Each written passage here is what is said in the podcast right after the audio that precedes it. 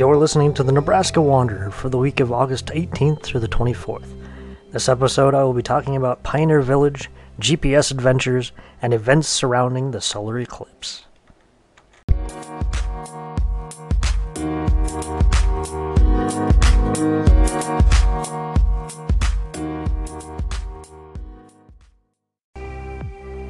Pioneer Village is a sprawling museum spread across 28 buildings and housing over 50,000 items, including vehicles, trinkets, machinery, fine china, and everything in between, showcasing the innovation and American spirit.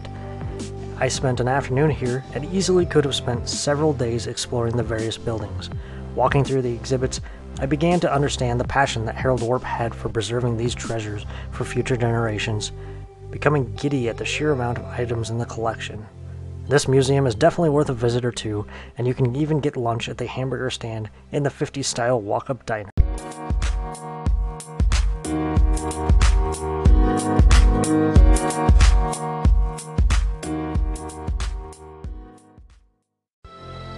It's almost inevitable in this day and age that on our adventures we will at some point use a GPS, be it a TomTom, Garmin, or our phones with Google Maps, or Apple Maps if you're really adventurous.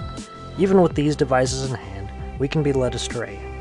There are many instances of people following the directions a little too literally and ending up in a lake.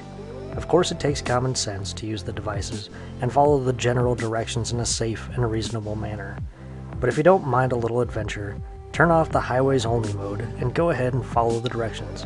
Every once in a while, when they lead you down a dirt road, you never know what you might find. I recently took the shortest route to my destination, which led me down a road where the first half was cement and the second half was dirt, but it was worth it for the beautiful country that we saw around us.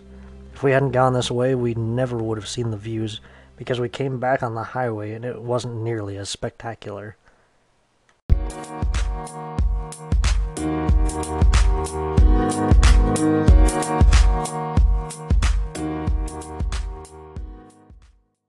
From Chadron to Brownville, Nebraska, the Cornhusker State is gearing up for the total solar eclipse, and people are flooding in from all over the world to view this somewhat rare occurrence.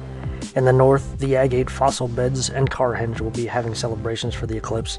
Centrally, Kearney at the Archway, Grand Island at the Stuhr Museum and around town, and Hastings Museum will be hosting events. In the southeast, Homestead Monument and Beatrice will be hosting Bill Nye the Science Guy and NASA for an all day informational visit. Check to see what events are going on around you, and make sure to look up with those protective glasses to catch a glimpse of the great American solar eclipse.